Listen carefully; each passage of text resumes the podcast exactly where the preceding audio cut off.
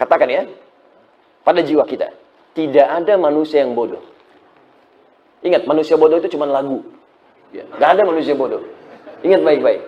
Semua pintar. Karena dalam diri kita itu banyak potensi.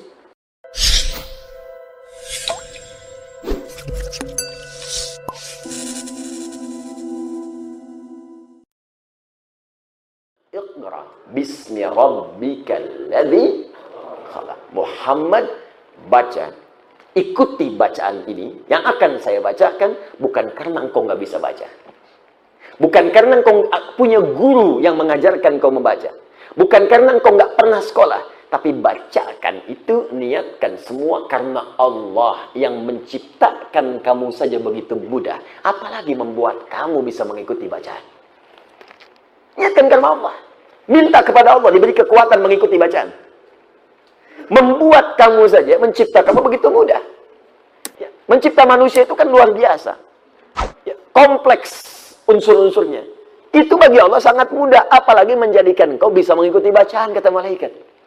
Ya, Iqra bismi rabbikal ladzi khalaq. Khalaqal insana min Iqra wa rabbukal akram. Muhammad baca karena Rabbu. Kenapa baca karena Rabbu? Guru itu mulia, sekolah itu mulia. Mulia dalam bahasa Arab karim, hebat. Al-ustad karim, ustada karima. Guru mulia, dosen mulia, ustad mulia, kiai mulia. Allah lebih mulia. Jadi kalau yang mulia saja bisa mengajar, apalagi Allah yang lebih mulia, gampang menanamkan engkau pada dirimu untuk bisa mengikuti bacaan. Niatkan semua karena Allah. Ini ayat mengajarkan pada kita, kalau Anda sedang belajar, anak Anda sedang belajar, dalam mengikuti kesulitan tertentu dalam pelajaran, maka kembalikan kepada Allah, minta. Ya, minta. Makanya sebelum anak-anak belajar tuh ibunya berdoa, bapaknya berdoa. Ya, anaknya berdoa. Ibnu Abbas sebelum belajar di, dibelai oleh Nabi, diberikan doa. Allahumma faqihhu fid din wa alimhu ta'wil.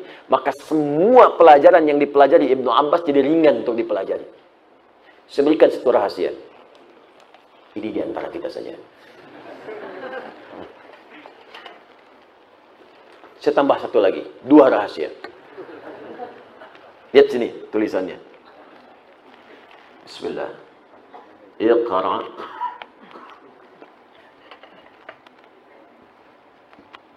Bismi rabbika alladhi khalaq. Jazakallah khair, Pak. Bismi rabbik.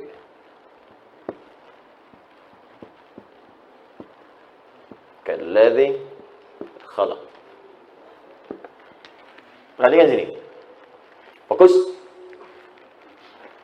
Ini ada kalimat bismi. Iqra, bacalah. Bismi rabbikal ladzi khalaq. Niatkan semua itu karena Allah yang telah menciptakan. Maka Allah akan mudahkan semuanya. Sekarang perhatikan baik-baik. Saya bandingkan dengan kalimat bismillah. Bismillahirrahmanirrahim.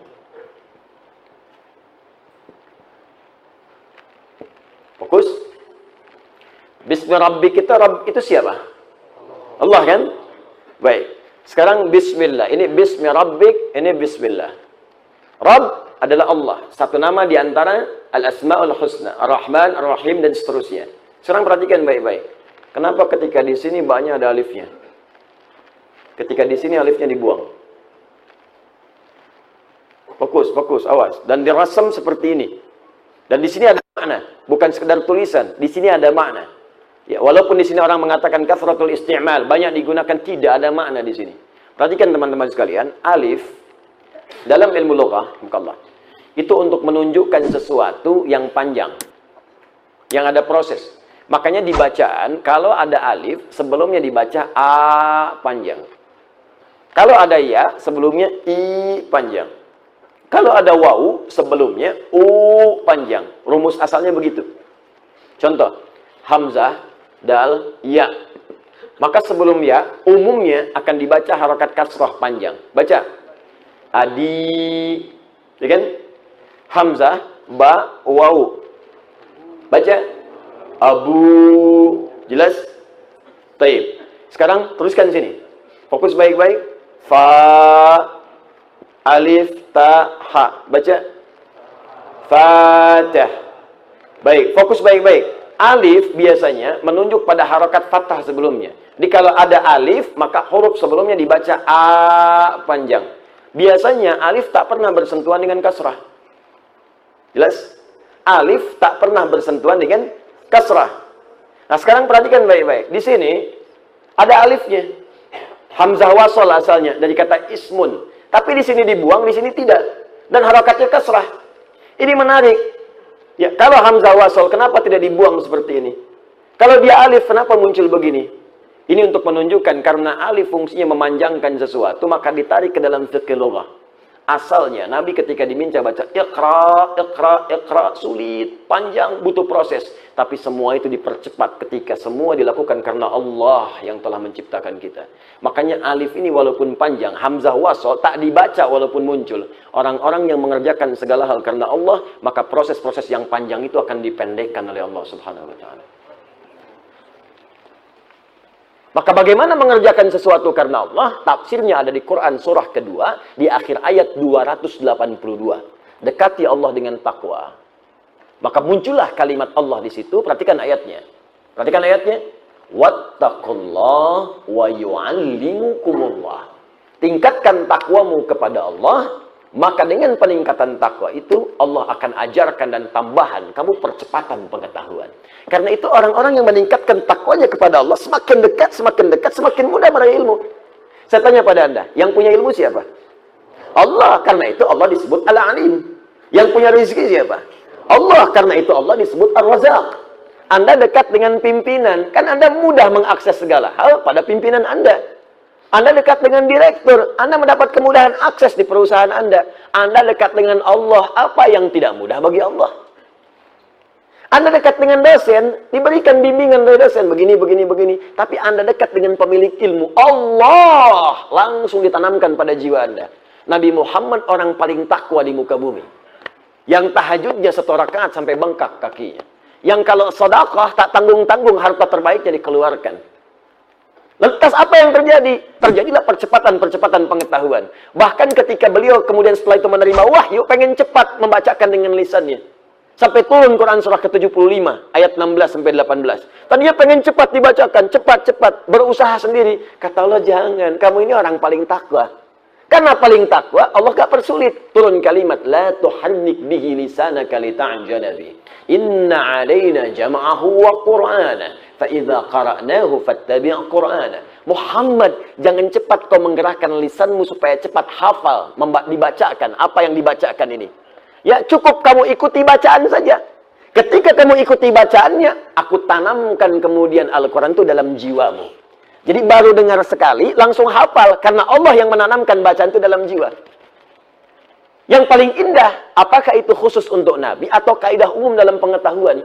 Tadi malam saya sampaikan, dalam rumus di kaidah ulumul Quran pada bab asbabun nuzul ada kaidah berbunyi begini. Al-ibaratu bi umumil lafzi la bi khususis sababi. Hukum itu berlaku dilihat pada lafadznya. Kalau lafaz itu umum maka berlaku umum. Kalau lafaz itu khusus maka berlaku khusus. Ternyata isyarat di ayat ini sifatnya umum. Umum artinya apa Artinya siapa pun yang mendekat kepada Allah Subhanahu wa taala, maka akan diberikan percepatan pengetahuan seperti Allah pernah memberikan pada orang-orang sebelumnya. Walaupun levelnya tentu akan beda dengan level kenabian. Karena sifat nabi itu fitrahnya mendapatkan pengajaran. Adam dari sejak pertama diciptakan dan turun diangkat sebagai nabi, diberikan langsung pengajaran. Makanya kalimatnya wa 'allama Adam al-asma. Allah mengajarkan langsung pada Adam. Kita bukan nabi, tapi diberi potensi. Kalau kita ingin keluar potensi itu, mau jadi apa pun bisa. Katakan ya, pada jiwa kita. Tidak ada manusia yang bodoh. Ingat, manusia bodoh itu cuma lagu. Ya, gak ada manusia bodoh. Ingat baik-baik. Semua pintar. Karena dalam diri kita itu banyak potensi. Mau jadi ahli fisika bisa, ahli kimia bisa, ahli biologi bisa, sekaligus ahli kimia, ahli tafsir bisa. Ya, ahli kimia yang hafal Quran bisa. Ahli tafsir yang hafal hadis ada banyak, Pak. Tinggal maunya kita apa? Bisa dieksekusi. Caranya bagaimana? Ya belajar. Untuk mendapatkan percepatan dalam belajar itu dekati pemilik ilmu Allah. Nabi sudah kasih jalan. Bagaimana cara mendekati Allah? Salat tingkatkan. Hafalkan Quran. Dua aja. Ya, saya ingin berikan pesan penting, ajarkan anak-anak kita dua hal dari sejak dini. Pertama, sholat untuk membangun kedekatan dengan Allah. Yang kedua, minta dia menghafal Quran untuk membuka pintu kecerdasan dalam otaknya. Ya, penghafal Quran itu sudahlah. Kalau menghafalnya benar, meningkat minimal tiga kali lipat kecerdasan pada jiwanya. Cepat itu, cepat. Ya, itu sudah di riset dari luar sudah ada. Riset terakhir menunjukkan bahwa kenapa penghafal Quran yang benar, banyak yang pintar, karena Quran sendiri setidaknya punya 52 ribu kosakata. Orang yang terlatih menghafal kosakata, maka semakin ringan dan encer otaknya untuk mendapatkan informasi yang lain. Gampang. Makanya orang-orang dulu pinternya nggak nanggung. Minimal tiga bidang ilmu. Sekarang cuma satu. Silahkan cek Pak, ahli kimia, biologi, fisika, bahkan dokter itu, itu hafal Quran. Anda buka kitab, namanya Bidayatul Mujtahid, Finihayatil Muqtasid. Disingkat Bidayatul Mujtahid, karangan Ibnu Rushd. Itu kitab tentang fikih muqarin, perbandingan pendapat-pendapat fikih. Apa hukumnya begini? Menurut ulama ini begini, begini, begini. Dibandingkan di situ. Anda tahu siapa yang nulis? Dokter bedah. Dokter.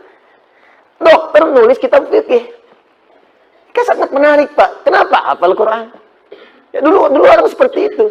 Hafalin Quran, ngapalin Quran, jadi ahli matematika, jadi ahli ini, ahli itu dan sebagainya. Jadi banyak orang meriset ayat Al-Quran ketika dia menghafal bahkan.